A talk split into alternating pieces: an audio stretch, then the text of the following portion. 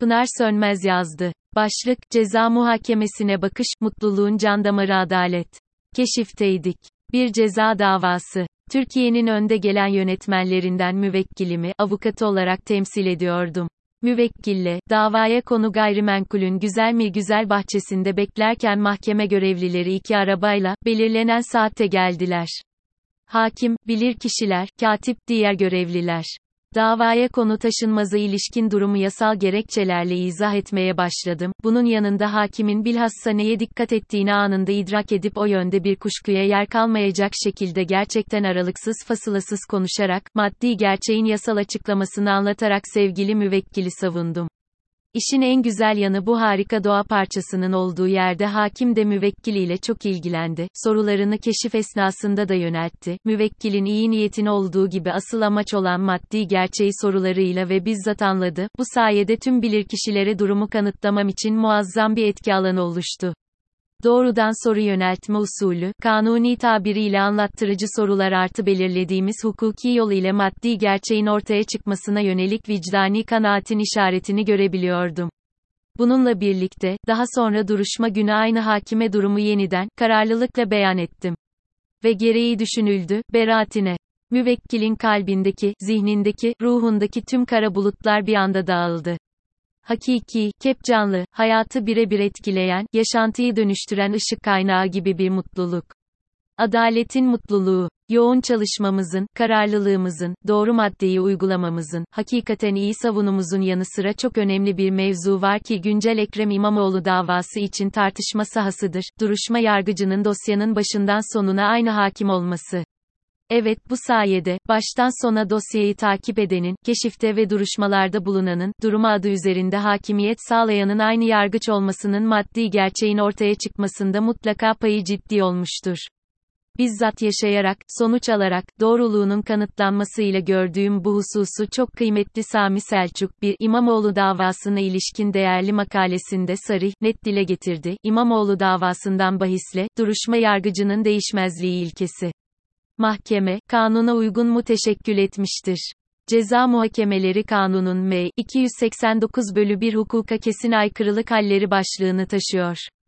Buna göre, temiz dilekçesi veya beyanında gösterilmemiş olmasa da aşağıda yazılı hallerde hukuka kesin aykırılık varsayılır. A. Mahkemenin hukuka uygun teşekkül etmemiş olması. Yasa diyor ki istinaf ve temiz incelemelerinde hakimler dilekçede talep edilip edilmemesine bakmaksızın, Rizın duruşma yargıcının değişmezliği ilkesine uyulup uyulmadığını dikkate almalılar ve buna göre karar vermeliler. Nitekim maddenin gerekçesi şöyle, CMKM, 289 bölü 1 A için, madde, kesin temiz veya kesin bozma nedenleri de denilen hukuka kesin aykırılık hallerini göstermektedir. Bu haller varsa aykırılığın hükme etki ettiği kabul edilecektir. Temiz merciğinin artık bunların bozmayı gerektirip gerektirmediğini araştırma ve takdir yetkisi olmayacaktır. Toplumsal hayatı etkileyen, devletin suç olarak kabul ettiği fiillerle ilgili kararlar, kamu düzeni, kamu güvenliği ve toplumsal etkileşim bütünü için mühimdir.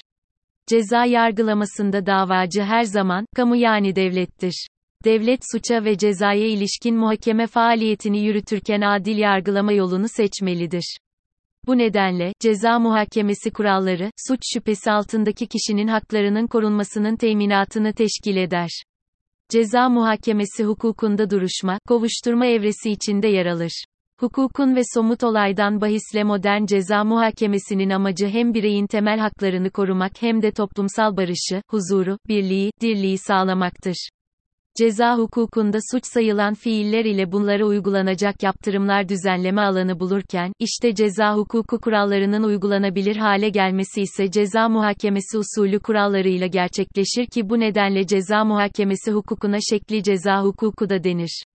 Yeniden hatırlatalım, yerleşik ifadeyle, usul esastan önce gelir ve bu süreçte ulusal ve uluslararası hukuk normları, anayasa, AİHM, Anayasa Mahkemesi içtihatları itinayla gözetilmelidir.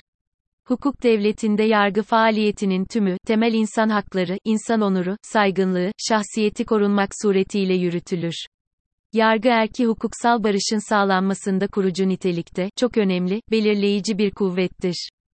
Nokta. Uyuşmazlıkla ilgili olayın maddi gerçeğinin doğrudan araştırılması ceza muhakemesi hukukunun çekirdeğini meydana getirir. Hukuk düzeninin tesisinde bir fiilin maddi alemde gerçekleşip gerçekleşmediğine dair karar verecek yargıcın fiilleriyle ve konumuyla bağıntılı adil yargılanma, normatif bir adalet idealidir, insan onuruyla ilintili kişisel, dokunulamaz temel insan haklarındandır. Hakimin yargılama boyunca değişmemesi, kesintisiz, her duruşmada bulunması ideal olandır. CMKM 190 ancak uygulamada ola geldiği üzere, iş bu davada da hakimin değişmesi sonucunda çıkacak durum için, yedek hakim uygulaması kesinlikle her dava için bulunmalıdır. CMKM 188 bölü 3 duruşma yargıcının değişmezliği ile birlikte, buna koşut bir başka ilke yetkili ve görevli hakimin daha önceden bilinmesidir ki doğal hakim güvencesi diye adlandırılır. Hukukta her uygulamanın yüzyıllardan süzülüp gelen bir gayesi, anlamı, imkanı vardır. Olağan hakim güvencesi, yargılamayı gerçekleştirecek hakimin tarafsızlığı ve bağımsızlığına ilişkin kuşkuları yok eder, hukuka güveni artırır. Hakimin tam anlamıyla maddi gerçeğe ulaşabilmesi için ikame edilen delillerle doğrudan temasa geçmesi gerekir ki buna doğrudanlık ilkesi diyoruz. Duruşmalarda bulunan hakimin karar verecek hakim olmasının temelinde de bu prensip yatmaktadır.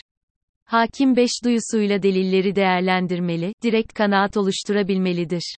Öte yandan, olmayan hükme göre cezanın artırılmış olması bir sorunsaldır, çünkü ve tabii ki tutanak gerçek bir ispat aracıdır. Usul ve şekil şartlarına uyulup uyulmadığı konusunda duruşma tutanağı yönünden bir yasal karin bulunmaktadır. Bir hukuk kuralının uygulanmaması ya da yanlış uygulanması hukuka aykırılıktır. Bu aykırılık hükmü etkiliyorsa bozma nedenidir. Üstüne üstlük temyiz sebeplerinin gösterilmediği halde temyizin incelenebilmesinin tek istisnası hükmün mutlak hukuka aykırılık içermesidir ki yine altını çizelim CMK'nın 289 bölü 1a, mahkemenin kanuna uygun teşekkül etmemesini içeriyor. Görüldüğü üzere, İmamoğlu davası pek çok yönden memleketimiz ve ülkemiz hukuku için önemli meseledir. İlliyet bağıyla düğüm, hayati, demokratik hayatın kökünü oluşturan, onca ilke, madde, norm, Hukuka ilişkin pek çok kavramın temelini kapsamlı biçimde ele alan Platon der, hakiki yargı, olduğu gibi olanın saptamasıdır fakat saptamanın olanağı, değişmezi ortaya koyan ilkedir ve ilke, idea, prensip görülmelidir. Antik adaletten bugüne, çağdaş yasal ve siyasi ihtilafların çözümlenmesinin yolu ilkeselliğin açıkça beyanından geçer, neticesi toplumsal huzur, dirlik, barıştır ve elbette adalet, bireysel ve toplumsal mutluluğun can damarıdır. Yazıya başlarken verdiğim emsal davadan çağrışımla bir toplumsal keşif sürecindeyiz ve hukuka uygun olarak verilecek her bir karar için, gerçekleşecek her bir ilki için belki de söylenecek söz bellidir, kara göründü. Politik toplumun merkezindeki büyük davalar, Yargıtay'da içtihat hukuku oluşturmak ve gerçeğin doğru biçimde inşası için bir dikkat alanı olabilir olması gereken hukuku teminen ilkelerin insani bilgiye ve hakikate dönüştüğü bir mantalite, gerçekten de adaletin mutluluğunu getiriyor, getirir, her daim getirecektir.